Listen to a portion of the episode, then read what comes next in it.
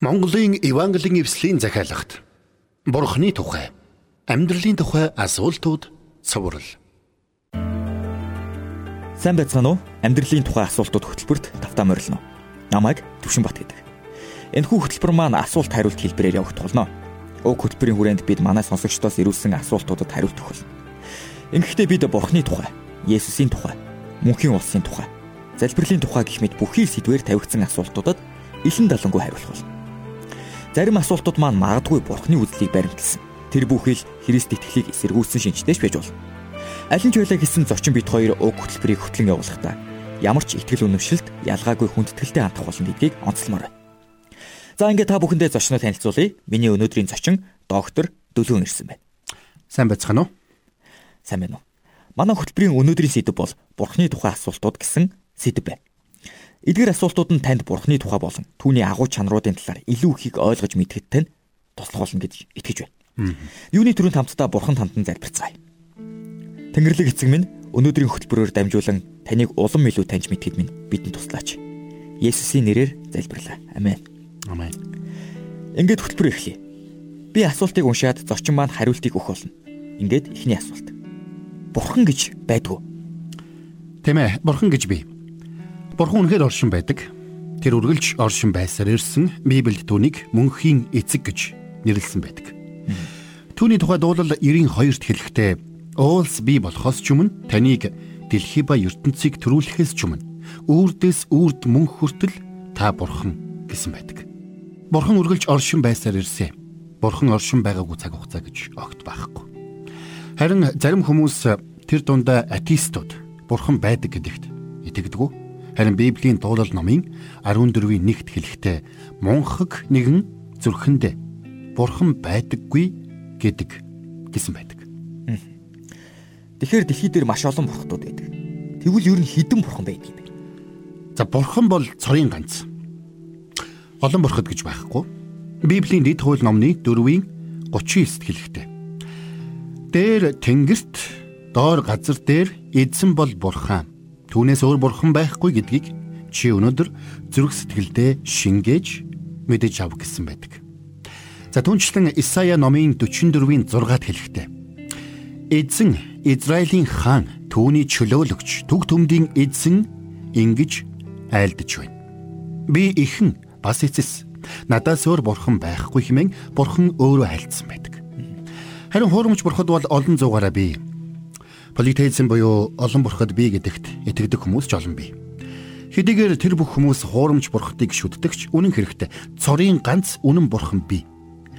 Энэ талаар Элч Паул 1-р Коринт 8-ын 4-т иймд шүтэнүүдэд өргөсөн юмсыг идэх талаар гэвэл энэ ертөнцийн шүтэнгэгч нь юу ч биш бөгөөд ганцаас өөр бурхан байхгүйг бид мэднэ хэмээн тунхагласан байдаг. Зарим хуурамч бурхад хиймэл шүтэнүүд нь мод, чулуу, металлаар хийгдсэн байдаг.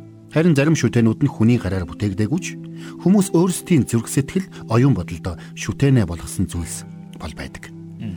Гэхдээ хүмүүс өөрөөс нь нүүр буруулж хуурамч бурхад хуурамч шүтэн шүтэх болно гэдгийг бурхан урдаас мэдэж байсан. Тийм ч учраас бурханы өгсөн 10 хуулийн хоёрт нь энэ тухай өгүүлж чи надаас өөр бурхадтай миний өмнө байж болохгүй Өөртөө зориулсан шүтэн бас дээр тэнгэр дэх, доор газар дэх, газрын доор усан дэх ямар нэг дүрсийг бүүхий. Тэдэнд чи бүү мөрөг, бүү үйлчил хэмээн анхааруулсан байдаг. Тиймээс энэ орчлон дээр цорын ганц бурхан байдаг гэдгийг бид ойлгох хэрэгтэй. Тэр бол биднийг бүтээсэн бүтээгч бурхан. Тэр бидний төлөө ямагт санаа тавьдаг. Тэр биднийг маш ихээр хайрладаг бурхан юм шүү. Их сонирхолтой. За гурав дахь асуулт нь юм байна. Бурхан байдаг гэдгийг та яаж мэдж байгаа юм бэ? Бид Бурханыг харж чадна гэж юу? За бурхан бол сүнс. Тиймээс бид түүнийг нүдээр харах боломжгүй. А гисэн хэдиж бурхан оршин байдаг гэдгийг бид мэдэх бүрэн боломжтой. Бидэнд бурхан оршин байдаг гэдгийг мэдэх багаар бодоход гурван арга зам байна. За нэгдүгээрт түүний үгээр буюу Библиэд юу гэж бичигдснээр дамжуулж бид бурхан байдаг гэдгийг мэдэх боломжтой. За хоёрдугаарт бурханы бүтээлүүдээр дамжуулаад бурханы оршин байдаг гэдгийг мэдэх боломжтой. Гуравдугаарт нь дотоод ухамсараараа дамжуулж бурханыг оршин байдаг гэдгийг мэдэх боломжтой юм. За Библийн хамгийн ихний өгүүлбэрт эхэнд Бурхан Тэнгэр ба газрыг бүтээжээ гэсэн байдаг. Библийн үгс бүхэлдээ Бурхан бодтой бөгөөд бидэнтэй хамт байдаг гэдгийг гэрчилдэг. Түүгээр зогсохгүй бидний эргэн тойронд байгаа дэлхийн ертөнцийг ажиглан харахтаа бид Бурхан үнэхээр оршин байдаг гэдгийг ухаарах боломжтой юм. За Библийн дуулал номны 19-ийн 1-ээс 4-т Тэнгэр нь Бурханы сүр жавхланг зарлаж огторгүй гарынхын бүтээлийг тунхаглаж байна. Өдрөөс өдөрт тэдгээр нь ярьж, шөнөөс шүнд мэдлэгийг илчилмүй. Хэл яриа хийгээд үг үгүй. Дууж сонсогдохгүй. Дуу хоолой нь бүх газарт үгс нь ертөнцийн хязгаарт хүрсэн. Тэдгээрийн дотор бурхан наранд зариулж майхан барьжээ. Химэн бичигдсэн байдаг. Үнэхээр байгаль дэлхий энэ дэлхий дээрх бүх хүний ойлгох хэлээр бидэнд бүтээгч бурхнаа гэрчилж байдаг бид далай тэнгис тэнгэр окторгүйн сүр жавхлан харахта бүтээгч бурхны гарын урыг харж болно. Тиймээс Элч Паул хэлэхдээ ертөнц бүтээгдснээс хойш түүний үл үзэгдэх чанарууд түүний мөнх хүч ба бурхан чанар нь бүтээгдсэн зүйлсээр дамжиж ойлгогдож илэрхий харагдаж байгаа тул тэдэнд шалтгаан байхгүй гэсэн байдаг. Тэгэхээр бид Бурхны бүтээсэн бүтээлүүдээс Бурхан бодтой гэдгийг болоод түүний мөнхийн хүч чадлыг олж харах боломжтой байна. Цаашилбал бид түүнийг оршин байдаг гэдгийг өөрсдийн дотор байгаа ухамсар мэс чанараасаа олж харж болно. Хүмүүст байдаг мэс чанар нь бидэнд Бурханаас тогтоож өгсөн ёс суртахууны хим хэмжээг ойлгуулж байдаг. Харамсалтай нь хүмүүс гим нүглийн улмаас Бурханыг таньж мэдэх чадвараа алдсан юм. Тиймээс ч Бурханыг эрен хайх, эрэл хайгуулна тэдэнд хиймэл шүтэнүүдийг шүтэх шалтгаан болдог л доо. Бурхан биднийг бүтээсэн бол Бурханы хэн бүтээсэн байж таарах уу? За Бурханыг бол хинч бүтээгээгүй. Тэр бол анханасаа л оршин байсан. Бурхан бол сүнс. Тиймээс тэр цаг хугацаанаас ангид оршин байдаг. Түүнд эхлэл гэж үгүй. Эхлэлтэй бүхэнд өөрийн гэсэн шалтгаан буюу бүтээгч байх ёстой. Жишээ нь таны амьдарч байгаа байшинг барьсан хүн нь барилгачин. Таны гартаа зүссэн цагийг хийсэн хүн нь цагчин тийм ээ? Тий. Тэгвэл үүний нэгэн адил орчлын ертөнцөч гэсэн эхлэлтэй. Орчлын ертөнцийг бүтээсэн нэгэн бол Бурхан өөрөө юм л та. Харин Бурханд эхлэл гэж үгүй. Тэр анханасаа л оршин байсан. Тэр бол мөнх их. Тиймээс түүнийг хинч бүтээгээгүй гэсэн үг. Энэ их сонирхолтой асуулт санагдаж байна. Хаяа над ч гэсэн төрдөг. Бурхан эрэгтэй юм болов уу эмэгтэй юм болов? За бурхан эрэгтэй ч биш. Бас эмэгтэй ч биш. Тэр бол сүнс. Тиймээс тэр хүмүүст байдаг хүүсийн тухай ойлголтод үл захирагдах нэг юм аа. Өөрөөр хэлбэл бурханд биологийн хүүс гэж байхгүй гэсэн үг. Антропоморфизм гэдэг үг нь аливаа амьттай болон амьгүй юмс үзэгдэл хийсвэр ойлголт зэргийг хүнчилж хүний шинж чанарт зөөн тайлбарлах, хүнд хамааруулах гэсэн утгатай. Бурхны мөн чанарыг болоод тэр хэн болохыг ойлгоход тусалахын тулд Бурхны үгэнд түүнийг дүрслэхийн тулд антропоморф нэр томьёог ашигладаг. Энэ нь хүн биш аливаа зүйлд хүнд байдаг мөн чанаруудыг холбож авч үзнэ гэсэн үг юм л да. Библиэд Бурхныг тодорхойлж хэлэхдээ ийм антропоморф зүйлийг хэрэгэлсэн тохиолдол олон бий. За жишээ нь Библиэд Бурхны мотор, эзний мэлми, эзний мотор гэх мэт нэршлүүдийг олонтаа бичсэн байдаг. За мөн Бурхан бидэнд ямар ихээр санаа тавьдгийг илэрхийлж бичгтээ. Исая номны 66-гийн 13-т Их нь хүнийг тайвшруулах адил. Би та нарыг тайвшруулсан гэсэн байдаг. Гэхдээ бид өөр нэг чухал зүйлийг эндээс ойлгох хэрэгтэй. Библиэд Бурхныг тодорхойлж бичгтээ ямагт эр хүүсдэр авч үзсэн байдаг. Тиймээс ч Бурхныг Библиэд эцэг Бурхан хэмээн тодорхойлсон байдаг. Тийм шүү те. Зарим хүмүүс Христ итгэгчид гурван бурхан шүтдэг гэж ярьдаг. Тэр үнэн үү? За үгүй маа. Бид гурван бурхан биш цорын ганц бурханд итгэдэг. Харин тэрхүү цор ганц үнэн бурхан бидэнд өөрийгөө эцэг хүү ариун сүнс хэмээх гурвлаар илчилсэн юм. Бурханы гурван бодгалыг бид эцэг бурхан, хүү бурхан, ариун сүнс бурхан гэдгээр нь мэднэ. Бурханы энэ гурван бодгал нь нэг юм аа. Тус бүртээ өөр өөр бодгал боловч хамтдаа нэг гурвал. Үүнийг эгэл жирийн хүмүүс бид ойлгоход амаргүй ойлголттой. Гэхдээ энэ үнэ. Үүнийг тайлбарлах гэж оролдохдоо зарим багш нар шингэн, хий, мөс гэсэн усны гурван төлөвтэй зүйрлдэг юм. Гэхдээ энэ зөвлөлч бас хангалттай биш юм а. Үнэн дээр бурхан гурван бодгол мөртлөө нэг гэдгийг тайлбарлах гэж оролцсон оролдлого бүр ямар нэгэн байдлаар учир дутагдaltaй болдог л доо. Өнөөдрийн бидний ярьж байгаа бурхан бүх зүйлийг бүтээсэн үү? Тийм ээ. Бурхан бол орчлын ертөнцийг бүхэлд нь бүтээсэн. Библийн эхний өгүүлбэрт хэлэхдээ эхэнд бурхан тэнгэр ба газрыг бүтээжээ гэсэн байдаг. Түрүү хэлсэнтэй.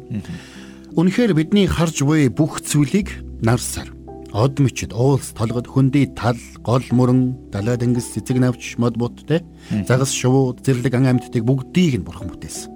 Бурхан бүхнийг бүтээсэн гэдэг нь цаагаараа маш олон санааг илэрхийлж байдаг.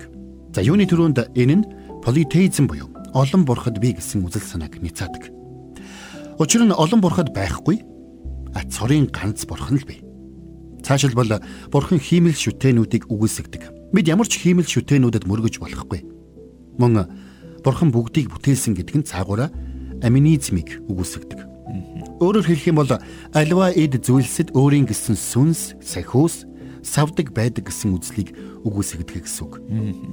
За мөн энэ нь бурхан байгаль дэлхийн хэсэг бүрд шингэсэн байдаг гэж үздэг пантеизмын үзлийг бас үгүйсгдэг. Бурханы үг болох Библиэд хэлэхдээ бидний эзэн бөгөөд бурхан минь алдар хүндэтгэл хүчийг та авахын зохистой. Учир нь та бүх юмсыг бүтээсэн билээ. Таны хүслийн улмаас тэдгээр нь тогтоогдсон бөгөөд бүтээгдсэн юм гэсэн байдаг. Бурхан бүхнийг бүтээсэн бүтээгч бурхан гэдэг ойлголт нь мөн зурхайн ойлголтыг нийцаадаг. Тиймээс бурхан өөрөө бидэнд тэнгэр өөд хараад эзэн бурханаас чинь бүх тэнгэрийн дор хамаг хүн ардад оноолсон нар сар одод буюу тэнгэрийн хамаг эргэсийг чи үзээд түүнд татагдан мөргөж зарагдуу зай химэн анхааруулсан байдаг. Эзэн Есүс өөрөө Марк 12-ийн 29-с 30-д бидний бурхан эзэн бол ганц эзэн мөн. Чи бурхан эзнээ бүх зүрх, бүх сэтгэл, бүх оюун ухаан, бүх хүч чадлаараа хайрл гэж хэлж байсан нь ч бурхан бол цор ганц бүтээгч бурхан гэдгийг илтгэж байгаа юм. За энд нэг асуулт байна. Бурхан энэ дэлхийн ертөнцийг бүхэлдэн бүтээсэн гэдэгт хувьдаа бол итгэдэггүй хүн юм байна. Аа дэлхийн ертөнцийг анханасаа л байсаар байсан гэж бодсон байна. За үүнд хариулт өгөөч та. За. За ямар ч хэлсэн өөрийнхөө үзэл бодлыг хуваалцаж бидэнд энэ асуултыг ирүүлсэн тэр хүнд баярлалаа. За та бодоод үзээрэй. Хин нэгэн хүн алхаж яваад газраас нэг гоёмсог бугуун цаг олжээ гэж бодъё л доо. Тэр хүн цагийг гартаа аваад үзтэл маш чанартай цаг ямар ч асуудалгүй ажиллаж өгнө гэж бодъё. Тэгвэл тэр хүн нэг зүйлийг ямар ч эргэлзээгүй мэдэх болно. Юу гэвэл хин нэгэн хүн тэр цагийг бүтээсэн гарцаагүй. А тэгвэл бидний амьдарч байгаа энэ гайхамшигтай дэлхийн ертөнцийг харахтаа бид үүний цанд бүтээгч нь заавал байгаа гэдгийг ойлгож чадна. Бурхны үг болох Библич мөн бидэнд үүнийг баталж хэлдэг. Тиймээс Библийн эхний өгүүлбэрт эхэнд Бурхан Тэнгэр ба газрыг бүтээжээ гэсэн байдаг. Энэ гайхалтай дэлхийн ертөнцийг Бурхан хэрхэн бүтээсэн байх вэ? За Бурхан дэлхийн ертөнцийг өөрийнхөө үгээрээ бүтээсэн байдаг. Энэ талаар Библиэд тодорхой зүйлийг өгүүлээгүй. Зүгээр л бурхан үгээ айлтгахад түүнийхэн дагуу бий болсон гэдгийг хэлсэн байдаг. Харин бурхан орчлын ертөнцийг бүтээхээс өмнө гагцхүү бурхан өөрөө л оршин байсан. Улмаар бурхан үгээ айлтгахад орчлын ертөнц бий болсон. Үүнийг ойлгож хүлээн зөвшөөрөхөд бидэнд хэцүү байж болох ч энэ үний юм. Латин хэлэнд ex nihilo гэдэг үг нь оргүй хоосноос гэсэн утгатай үг юм. Тэгвэл бурхан орчлын ертөнцийг экс нихило буюу оргүй хоосноос бүтээсэн. Зэ. Бурхан ямар ч зүйлийг хийх чадaltaй гэж үү? Тийм. Бурхан бүхнийг хийх хүч чадaltaй. Тэр бүхнээс хүчрхэг бурхан. Тиймээс ч бурханыг бүхнийг чадагч гэж тодорхойлдог юм.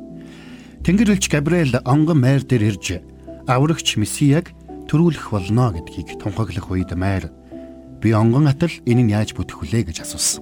Харин Тэнгэр элч түнд Бурханд боломжгүй зүйл гэж нэг ч байхгүй хэмээн хариулсан байдаг. Үнэхээр Бурхан бүхнийг хийх чадaltaй.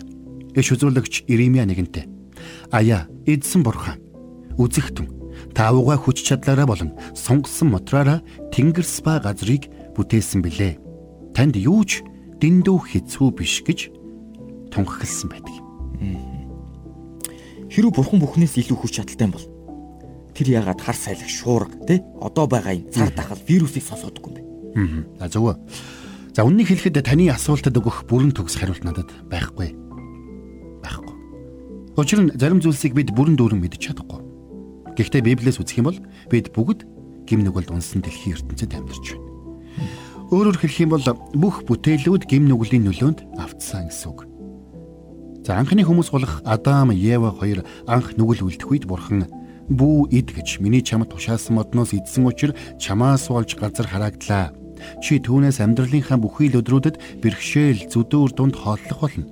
Чиний төлөө тэрээр өргөс зангуугч ургуулна хэмээн альцсан байдаг. Тэр цагаас хойш олон мянган жилийн дараа Илч Паул хэлэхдээ өнөөг хүртэл бүх бүтээл нь хамтдаа ёолон хамтдаа төрөх зовлон эдэлдгийг бид мэднэ гэсэн байдаг. Өнөө үед дэлхий дээр байгалийн гамшиг, өвчин, тахал, гай завлан нүрэлсээр л байна. Гэхдээ цаг нь ирэхэд Бурхан гим нүглийг энэ дэлхийгээс арчин хаяж, гай зовлон, байгалийн гамшиг, өвчин тахлаас ангид цоошин ертөнцийг бүтээх болно. За энд нэг асуулт байна. За Бурхан бүх зүйлийг мэддэг гинэ. За тийм ээ. Бурхан бүхнийг мэддэг. Түүнд мэдэхгүй зүйл гэж нэгч байхгүй. Бурханы үгэнд хэлэхдээ түүний хараанаас нуугдах нэгч бүтээлгүй. Харин түүний мэлмийн өмнө бүгд нүцгэн бөгөөд ил болоо. Түүнд бид тооцоотой гэсэн байдаг. Бурхан бүхнийг мэддэг учраас бид Бурханыг бүхнийг мэдгч гэж тодорхойлдог. Энэ нь түүний мэдлэгт хэмжээ хязгаар үгүй гэсэн үг. Бурхан бүхий л зүйлсийг бүрэн төгс мэддэг гэсэн үг. Тиймээс Библиэд эзэн тэнгэрээс ажимуй. Тэрээр хүний хөвгүүдийг бүгдийг харахав. Синтийнхээ газраас тэрээр дэлхийн бүх оршин суугчдыг ширтдэг. Тэд бүгдийн зүрхийг бүтээсэн тэр агаад тэд бүгдийн үйлсийг тэр анхаарах болоо хэмээн тунхагласан байдаг үлээ. За танд маш баярлалаа.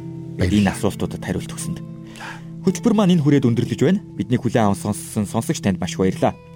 За ингээд нэвтрүүлгийнхаа төгсгөлд бурхан танд нь талархан залбирцгаая. Би эхлээд залбирх болно. Дараа намайг дахин залбирх үед та намайг дагаад чин сэтгэлээсээ залбираарай. Бурхан эзэн минь таны агуу хүч чадлын төлөө таньд талархъя. Намайг хайрлан ивэдэг танд баярлалаа. Амен. Одоо намайг дахин залбирх үед та миний хэлсэн үгийг давтан залбираарай. Ингэхдээ чангаар чин сэтгэлээсээ залбираарай. Бурхан эзэн минь таны агуу хүч чадлын төлөө танд талархъя. Намайг хайрлан ивэдэг танд баярлалаа. Амен. Надтай хамт залбирсан сонсогч танд маш баярлалаа. Та бүхэн манай амьдралын тухай асуултууд хөтөлбөрийн дараа дараагийн дугааруудыг таалан сонсоорой. Монголын Евангелийн эвслийн захиалагт Бурхны тухай, амьдралын тухай асуултууд цоврал. Цоврлын талаар асууж тодруулах зүйл байвал 8085 99 тэгтэг дугаард холбогдоорой.